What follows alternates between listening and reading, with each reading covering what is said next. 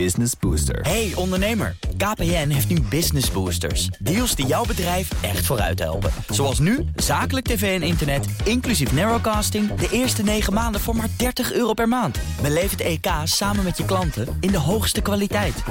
Kijk op kpn.com slash businessbooster. Business Booster.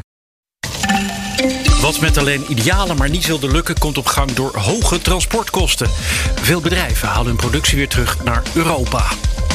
De gevallen topvrouw Elizabeth Holmes van Theranos liet miljarden beurswaarde in rook opgaan met een niet werkende bloedtest. De rechtszaak die vandaag start wordt smullen.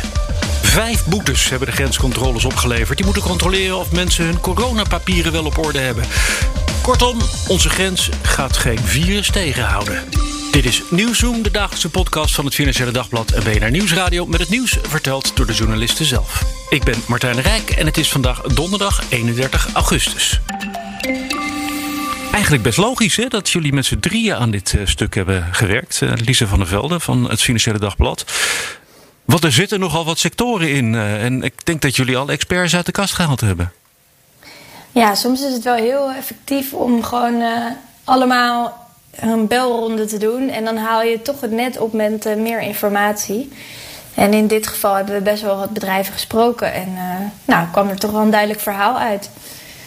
We gaan uh, langzamerhand toch een beetje nadenken over die productie in China en Bangladesh en Vietnam. En serieus kijken of we die dichterbij kunnen halen. Ja, reshoring heet dat, hè? Ja. Ja. Dat betekent weer terug naar onze eigen kust of zo halen. Ja. ja, volgens mij is het officieel dat je het dan naar Nederland haalt. Dus het is wel een beetje Ja. een rekkelijk begrip. Ja. Want uh, wij noemen in ons stuk eigenlijk van Bangladesh naar Turkije noemen we ook al reshoring. Ja, Het is in ieder geval dichterbij. ja maar ook eh, reshoring naar Portugal en naar Oost-Europa. En dan zitten we toch in Ja. ieder geval al in, eh, in de Europese Unie. Dus Ja, dat- is- wel onze kust, zou ik maar zeggen. ja vind ik ook. Ja. Ja. Hey, eh, welke. Ja, je, je, het zijn er te veel om op te noemen bijna. Maar het, het gaat echt van, van de hak op de tak, hè? Om het eventjes. Ja. om hak er maar eventjes bij te halen. Want die zat er ook bij in het lijstje. Ja, klopt. Ja, Hak die teelt nu van die eh, kidneybonen in Zeeland. Het is nog een beetje een experiment, maar zij hopen eigenlijk dat dat eh, ja, goed werkt en dat die dingen lekker worden. En dan kunnen ze vertrekken uit de VS en dan hebben we gewoon weer eh, Zeeuwse kidneybonen. ja, oké. ja. Dan Ja. moeten we wel een andere naam bedenken. Ja. Ja, vind ik ook. Dit klinkt niet Ja. Zeeuws genoeg. Nee. Ehm, en Intratuin die maakte altijd al zijn kerstballen in China. En die gaat nu ook eh, naar Europa. Die hebben echt het al eh, ja, in gang gezet. Dat er weer eh, nou ja, Europese kerstballen straks aan de boom hangen. Ja, zijn er Europese kerstballenfabrieken? Dat weet ik eigenlijk niet. Daar Nee, zit ik niet genoeg in. Nee. Ehm, anders dan ga ik daar heel graag een keer op reportage, denk ik. Ja, dat lijkt me ook wel leuk, ja. ja. Je kunt je een beetje iets voorstellen bij zo'n eh, zo'n zo'n ambachtelijke glasblazer in eh, Oost-Europa of zo, weet je wel? Met eh, ja, prachtige beschilderde Ja. dingen. Ja, Peperduur geweldig. natuurlijk. Maar, Ja. ja, maar dan heb je ook Dan wel. moet je ervoor over hebben dan. Ja. Maar goed, het geeft wel een beetje aan wat voor praktische problemen er meteen zijn. Hè? Dat, eh, je moet wel zorgen dat. eh, je kunt niet zomaar eh, uit, uit, Azië vertrekken. Het, het moet hier wel zijn. Het, het moet hier wel geregeld worden. Ja, nee, dat is ook wel ehm, eh, wat al die bedrijven aangeven. Want we hebben er dus uiteindelijk wel een stuk of zes gesproken die hier of al mee bezig zijn, of onderzoeken hoe ze het kunnen doen, of, of al op zoek zijn naar fabrieken. En die zeggen allemaal: dit wordt een verhaal van de lange adem. Want je moet eerst eh, nou ja, fabrieken en leveranciers vinden. Dat is ook krap, want in Europa wordt veel voor de VS geproduceerd. Ehm, en dan eh, kost het ook nog miljoenen investeringen. Dus het is niet iets wat je van de een op de andere dag eh, regelt.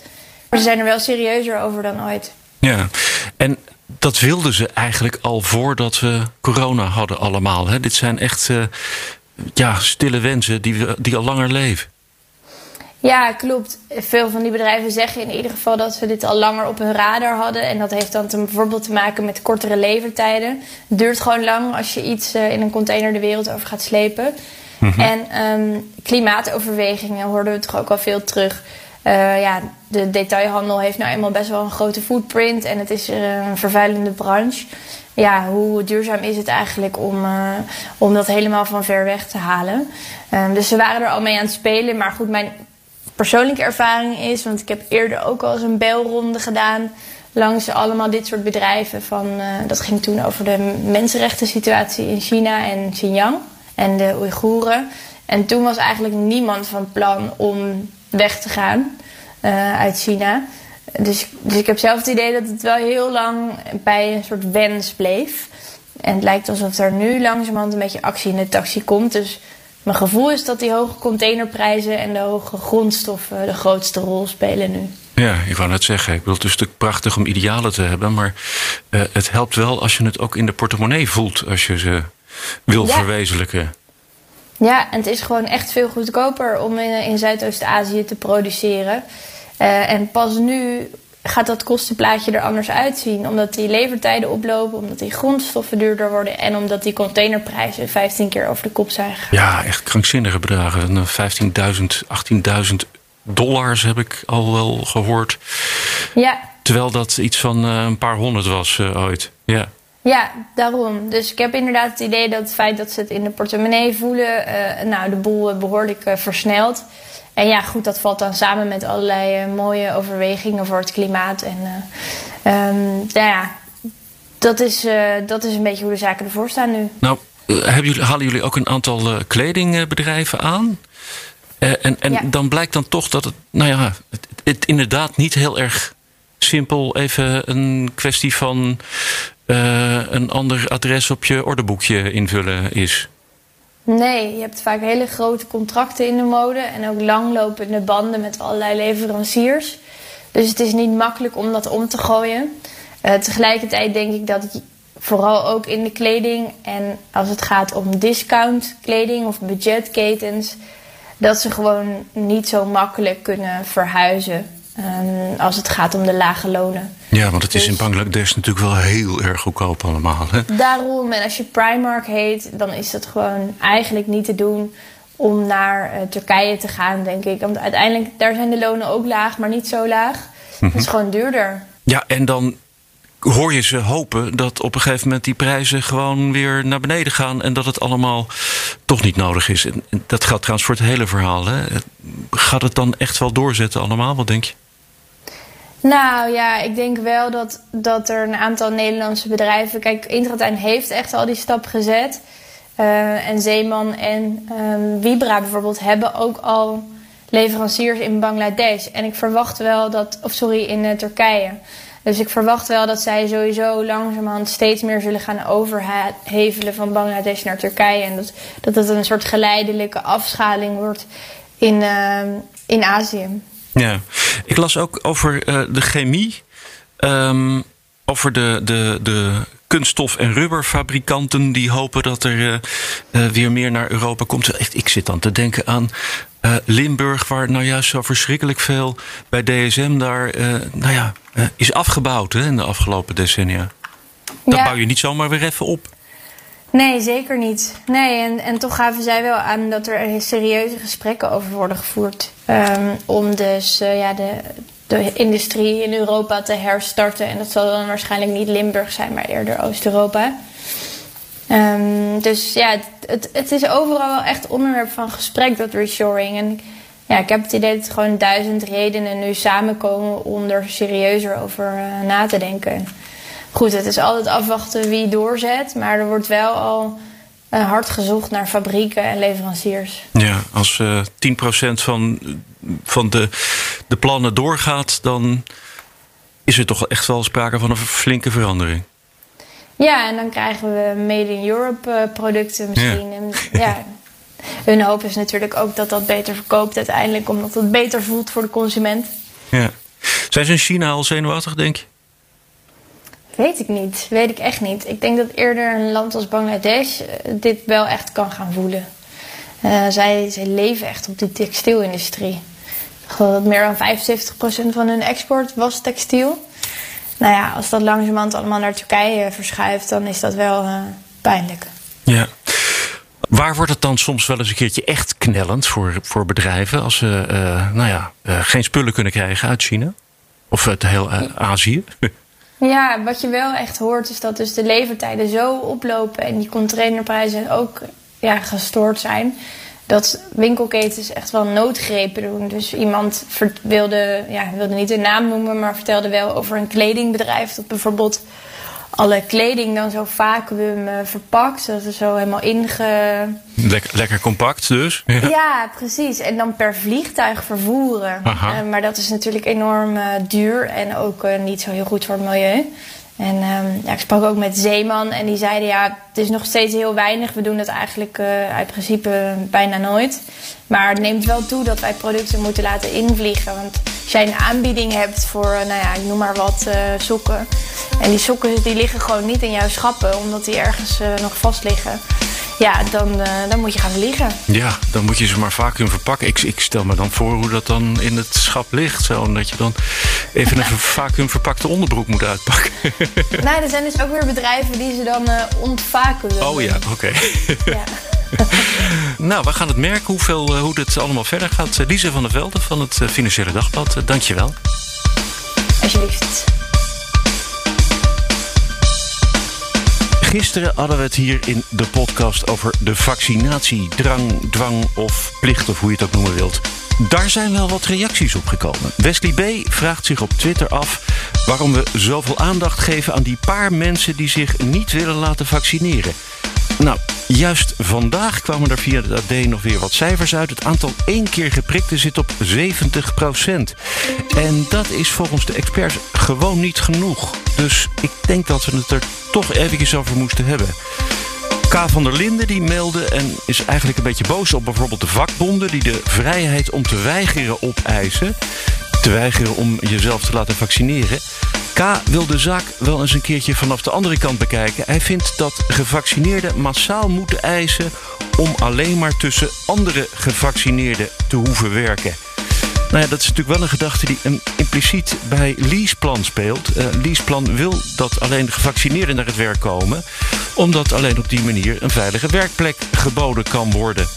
En dan Iljic van Bijnem, die vindt een verplichte vaccinatie nou wel weer een beetje ver gaan. Alleen in het geval van nood wil hij dat doen.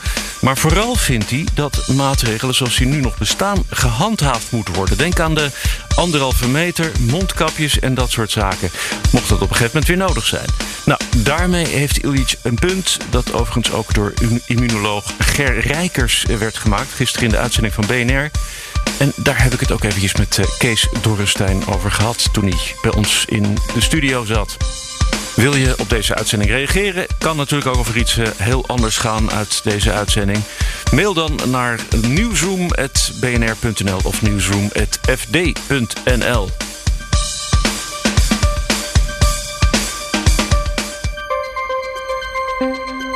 We gaan naar de gevallen superster van eh, Silicon Valley. Ja. Uh, Elizabeth Holmes. Ja. Met de schotelogen, denk ik. Wat zeg je met de schotelogen? Ja, ze, kan, je zo, ja. ze, kan, ze kan zo doordringend kijken. De schotelogen, de zwarte kooltrui had ze altijd aan... voordat uh, de boel in elkaar stortte en een hele diepe stem. Oh ja, oké. Maar die was nep. Die was nep? Ja. Ze zette hem Deze op. mevrouw had een hele persona voor zichzelf bedacht. He, dus met, met à la Steve Jobs, uh, de kooltrui. Ja, en zeggen, uh, haar haar schijnt ook. Ze heeft uh, mooi blond haar. Is ook nep. Dat schijnt ze al van heel jongs af aan te blonderen. En um, de stem. Dus ze stond bekend omdat ze een hele opvallende diepe stem had. Oké. Okay. Ja. Um, en dat had ze verzonnen, want het viel op op feestjes. Dat als ze een paar biertjes op had en op tafel stond te dansen, dat ze dan heel anders praten. Ja. ja maar echt. Overigens, voor de duidelijkheid, Sandra Olstorn van het Financiële Dagblad is wel echt. En die zit hier gewoon in Zeker. de Niet studio. Geblondeerd. Niet geblondeerd. Welkom. Um, en we gaan het over uh, Holmes hebben, want uh, de rechtszaak tegen haar gaat beginnen. En voordat we het over die rechtszaak uh, kunnen hebben, moeten we natuurlijk eerst eventjes bespreken over ja, waar het nou eigenlijk allemaal misgegaan is. Hè? Want het begon uiteindelijk met een druppel bloed en, en een mevrouw, mevrouw Holmes, die bang was voor prikken. Ja, Elizabeth Holmes was de CEO van een bedrijf dat Theranos heette. Ehm, en dat had ze opgericht uh, op haar negentiende, toen ze scheikunde studeerde aan Stanford. En haar idee was om um, um, dat ze uit een druppel. Ze had een apparaat ontwikkeld, of een bedrijf had een apparaat ontwikkeld. waarmee van ze beweerde, dat bleek ze achteraf niet waar, maar waarvan ze beweerde dat ze met één druppel bloed honderden bloedtesten konden doen. Dus waar je normaal inderdaad een naald voor in je arm moet krijgen en bloed moet worden afgenomen en dat vaak verschillende mhm. keren voor verschillende ziektes. Daar beweerde zij één druppel en dan kunnen we van alles van jou analyseren. Oké, en dat bleek dus niet zo heel erg enorm goed te werken, hè? om een lang van kort te maken. Nee, precies. Die apparaten deden niet wat ze beloofden. En, en ik kwam echt vreselijke voorbeelden tegen in uh, je verhaal. Ja, dus er, zijn, uh, er worden ook uh, in de rechtszaak die vandaag begint, zullen ook mensen worden, um, getuigen worden opgeroepen of worden gehoord. Die um, bijvoorbeeld te horen hebben gekregen dat ze, uh, hun zwangerschap niet levensvatbaar was, zeg maar. Oh. Of um, uh, ik dacht dat er een mevrouw verhoord zal, gehoord zal worden die te horen kreeg dat kanker bij haar was teruggekomen. Nou, allemaal dat soort voorbeelden. Dus mensen die en, testen en dat bleek dan gewoon achteraf gewoon. Bleek niet te, te kloppen. Ja. Um, dus ze hadden een apparaat dat wel dingen kon, maar dat maakte waarschijnlijk gewoon heel veel fouten.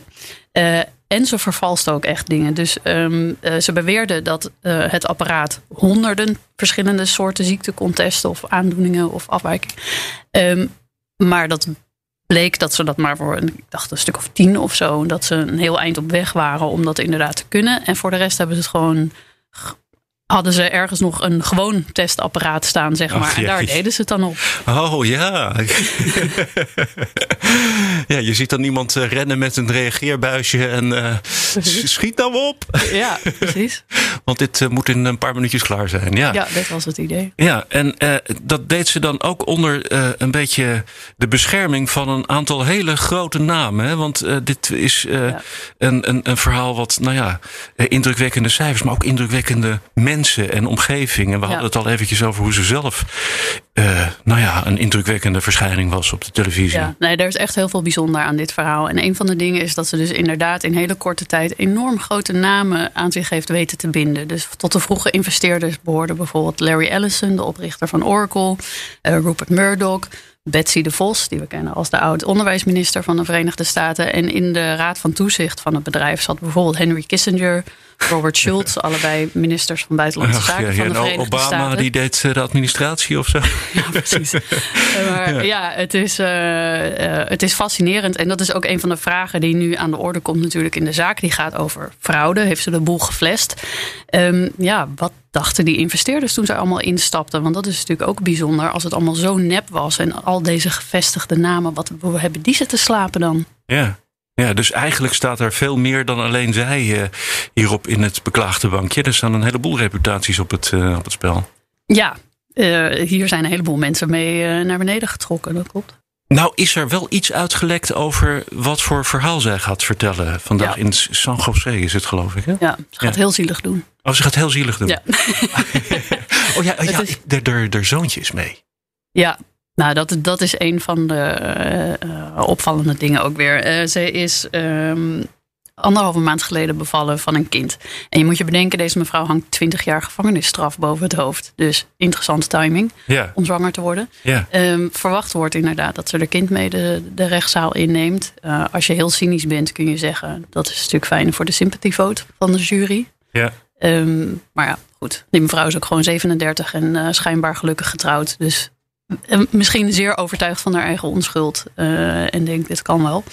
Uh, maar het is wel opvallend. En um, ja, wat is uitgelekt is dat ze van plan is om de schuld volledig in de schoenen te schuiven van haar voormalige zakenpartner en voormalige levenspartner, meneer Sunny Balwani. Sunny. Waar ze ja. samen mee het bedrijf runden. Zonnig typeje blijkbaar. Ja. ja, niet echt dus. Hij was, nee. uh, uh, er, is een heel, er is een prachtig boek geschreven over de zaak die aan de rol is gebracht door een journalist van de Wall Street Journal.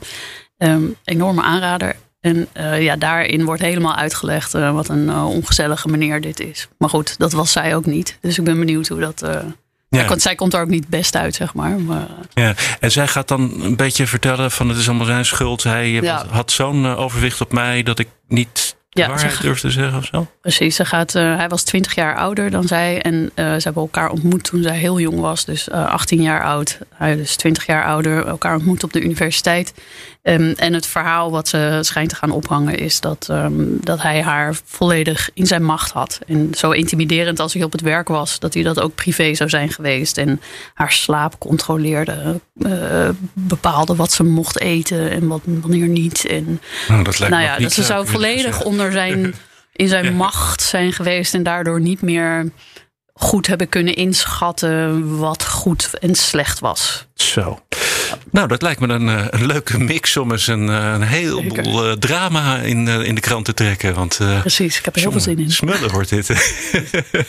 Dankjewel, Sander Olstorn. En ja, wij gaan natuurlijk meesmullen met je. Ja, ja, ja.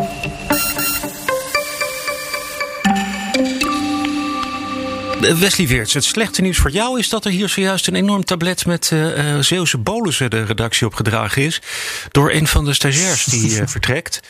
Dus uh, nou, dat wordt een geweldig stageverslag, vermoed ik zo. ja, dat vermoed ik ook. Ik, ik vind het inderdaad jammer dat ik nu niet op de redactie ben, maar dat ik vanuit huis werk. ja, nou ja, ach, weet je.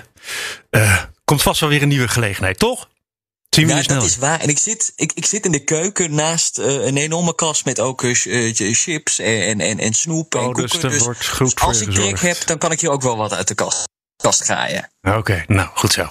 hey, we gaan het hebben over uh, de grenscontroles die, nou ja, eigenlijk nauwelijks plaatsvinden als het gaat om het controleren van of mensen wel hun coronatest hebben gedaan. Uh, nee, inderdaad. Dit is iets wat nu drie weken lang uh, ongeveer uh, gedaan wordt. Inderdaad, er wordt dan gekeken of mensen een, een coronabewijs bij zich hebben. Nou, dat kan dus zijn dat je nou ja, of negatief getest bent als je niet gevaccineerd bent, of een vaccinatiebewijs. dat, is, dat is de andere. Of een bewijs dat je eerder al corona hebt gehad. Um, en nou, daar wordt op gecontroleerd aan de grenzen. Op het moment dat je nou, vanuit een geel land, dus vanuit je vakantieland bijvoorbeeld, als je net op vakantie bent geweest, de grens overgaat in Nederland. Um, nou, met, met als doel om te voorkomen dat mensen corona van hun vakantiebestemming meenemen naar Nederland. En de afgelopen drie weken zijn in totaal 156 voertuigen, en dat doen ze dan steekproefsgewijs, gecontroleerd, aangehouden. Mm -hmm. um, en daar zijn slechts vijf boetes uitgedeeld. Wow. Dus uh, ja, je hebt uh, niet uh, ontzettend veel te vrezen van, van een boete als je inderdaad ja, geen coronabewijs, geen geldig coronabewijs ja. bij je hebt. Ja, hey, en is het dan inderdaad zo gegaan dat jij drie weken geleden toen die test, of de, is het inderdaad zo gegaan dat jij drie weken geleden toen die controles begonnen, dat ook meteen in je agenda gezet hebt om te, om te, om te gaan bellen straks van hé, hey, eens kijken of dat nou echt wat van, van de grond gekomen is? Nou ja, zo is het wel ongeveer gegaan. Uh, nou, ik, sowieso toen ik zelf op vakantie uh, ging. Nou, ik, ik, ik ben uh, gevaccineerd, dus ik heb in, in die zin een geldig coronabewijs. Maar ik vroeg me wel af, hoe gaat dat nou aan de grens? want ik keerde ook terug op het moment dat die controles net ingevoerd waren. Nou, ik heb er zelf niks van gemerkt. en ik had inderdaad op voorhand wel al in, nou, ik heb, ik heb geen papieren agenda. Maar ik had wel in mijn laptop gezet van, nou, doe in ieder geval een belletje naar het ministerie om te kijken uh, hoe dat die controles verlopen, hoeveel controles er zijn uitgevoerd, hoeveel mensen uh, gecontroleerd zijn, hoeveel boetes uiteindelijk uh, afgegeven zijn. En ik ben deze week weer begonnen met, met werken, dus dat was voor mij ook een mooi moment om dat inderdaad na te vragen bij het, bij het ministerie. Ja, en natuurlijk zijn er een hoop mensen die beginnen met werken en iedereen die komt nu wel zo'n beetje terug van vakantie, dus ook wat dat betreft gewoon actueel vijf boetes. Goeiedag, hè, dat is wel heel weinig. Ja, dat is, dat, is, uh, dat is bijna niks als je je bedenkt hoeveel mensen per dag, en zeker in de vakantieperiode, die grens uh, overgaan. Weer, nou ja, ook de grens naar Nederland overgaan, Nederland binnenkomen. Um, en dat, dat, dat heeft grofweg twee redenen. Enerzijds uh, is het wel zo dat veel mensen ook gewoon hun papieren op orde hebben. Dus wel zo'n geldig coronabewijs bij zich hebben. Nou ja, als dat het geval is, dan kun je ook geen boetes uitdelen. Um, maar wat je ook wel ziet, en wat ik ook wel teruglees in de reactie van het ministerie, is dat die controles ook ver van laten dicht zijn. Um, nou, dat, dat, dat, ook dat heeft weer een aantal redenen. Enerzijds omdat uh, gewoon niet altijd te controleren is of iemand langer dan 12 uur de grens over was. Uh, want iemand ja, die moet een, een vaccinatie of herstelbewijs of een negatieve test laten zien. Als die langer dan 12 uur in een geel gebied was. Um, nou, ik, ik zei het ook al in onze reguliere nieuwsuitzending. Als je kijkt naar de kaart van Europa en je zoomt in op de populaire vakantiebestemmingen, zoals Italië, Spanje, Frankrijk, dan zijn dat allemaal gele gebieden. Um, dus ja, als je langer dan 12 uur in die gebieden bent geweest, dan moet je een coronabewijs overhandigen. Maar, zie, maar is aan die grens te controleren ja. of iemand langer dan 12 uur de grens over. Dat lukt je alleen maar als er een, uh, als er een caravan achter hangt en uh, de auto helemaal vol ligt ja, met spullen. Dan, uh, dan weet je het wel. Met, dan weet je het zeker. Of dan, weet, ja, ja, dan, dan, dan moet je wel met een heel goed excuus komen als passagier. Ja. Dat je korter dan 12 uur de, de, grens over was. En dat geldt natuurlijk ook als je auto vol hebt liggen met allerlei koffers. En met het hele gezin in die auto zit. en als ik op vakantie ga, dan heb ik ook altijd de kussen achterin liggen. Als ik achter in de auto zit. Nou ja, dat doe je waarschijnlijk niet als je even kort de grens over gaat om, om bijvoorbeeld te tanken uh, of even boodschappen te doen. Uh, en ja, in dat geval wordt er gewoon uitgegaan van dus ja, het verhaal van zo'n automobilist. Want we hebben het aan de grenscontroles op de wegen. Mm -hmm. um, en ook is het zo dat als we gewoon kijken hoe vaak er gecontroleerd wordt, dan is het niet zo dat er elke dag gecontroleerd wordt. Dus je hebt best een grote kans, want er wordt maar drie van de zeven dagen gecontroleerd, dat jij op die andere vier dagen die grens oversteekt. Ja, ja, ja, en dan heb je sowieso helemaal niks te vrezen van, uh, uh, van de marechaussee die jou eventueel boete uit kan schrijven en de kant van de weg kan zetten. Dus en, dat is ook nog een reden uh, waarom dat hele systeem niet ja, waterdicht is. En waardoor er dus en relatief weinig voertuigen zijn gecontroleerd, maar dus ook ja, bijna geen boetes zijn uitgeschreven. Goed, kortom, dus de grens die is zo lekker als een mandje. Uh, maar hoe erg is het nou uiteindelijk? Uh, nou ja, dat, dat kun je wel afvragen. Ik, kijk, het, het, het, is ook nooit, die controles zijn ook nooit uh, ingevoerd uh, met als argument: we hebben hier een geweldig waterdicht systeem aan de grens. Dat is, dat is ook nooit de, de, het argument geweest vanuit, nou, vanuit de politiek. Um, maar de reden dat het is ingevoerd is vooral ook om een signaal af te geven. en dat signaal dat is dan van ja, als je terugkomt, neem je verantwoordelijkheid. zorg dat je, nou ja, dus of gecontroleerd bent, of dat je uh, gevaccineerd bent, of dat je dus uh, al corona hebt, uh, hebt gehad. In ieder geval dat je bewust bent van het feit dat je corona mee terug kan nemen. Um, en, en daar hangt ook nog een, een, een dringende oproep. En die, die, die oproep heeft de demissionair minister Hugo de Jonge eerder ook al, nou ja, het was een beetje aan de, aan de, de, de vooravond van, van die hele vakantieperiode gezegd van als je terugkomt, doe dan ook een zelftest. En is die zelftest positief mm -hmm. of je hebt klachten, ga ook naar de GGD. En ik denk uh, dat dat uh, nou, be belangrijker is, die, die bewust, uh, dat, dat bewustzijn. Ja. en, en dat je dus niet zomaar terugkomt van vakantie en denkt, nou ja, het zou wel, ik ga weer naar kantoor toe of ik begeef me weer onder allerlei mensen. Dat je in ieder geval wel ja, goed nagaat of je geen klachten hebt, dat je je laat controleren of je zelf controleert. en die, die, die controles aan de grens, dat is een extra stok achter de deur om dat signaal nog een keer te benadrukken. Ik denk dat we het meer zo moeten zien. Dus in dat opzicht is het ook niet erg dat het geen waterdicht systeem is. En je kunt je wel afvragen, ja, hoeveel zin heeft het als je um, maar zo weinig controleert en zo weinig boetes uitschrijft? Is dat signaal dan wel sterk genoeg dat je afgeeft? Maar ja, dat, ja, dat is vanaf de zijlijn lastig, lastig te beoordelen. Nou, uh, Wesley, um, ik weet niet ben benieuwd wat je verder nog in je agenda hebt staan. Uh, maar we gaan er zeker over horen in de komende tijd. Uh, dankjewel, Wesley Weert van BNR Nieuwsradio. Dat denk ik wel. Alsjeblieft, Martijn. Dat was Nieuwzoom voor vandaag. Heel graag tot morgen.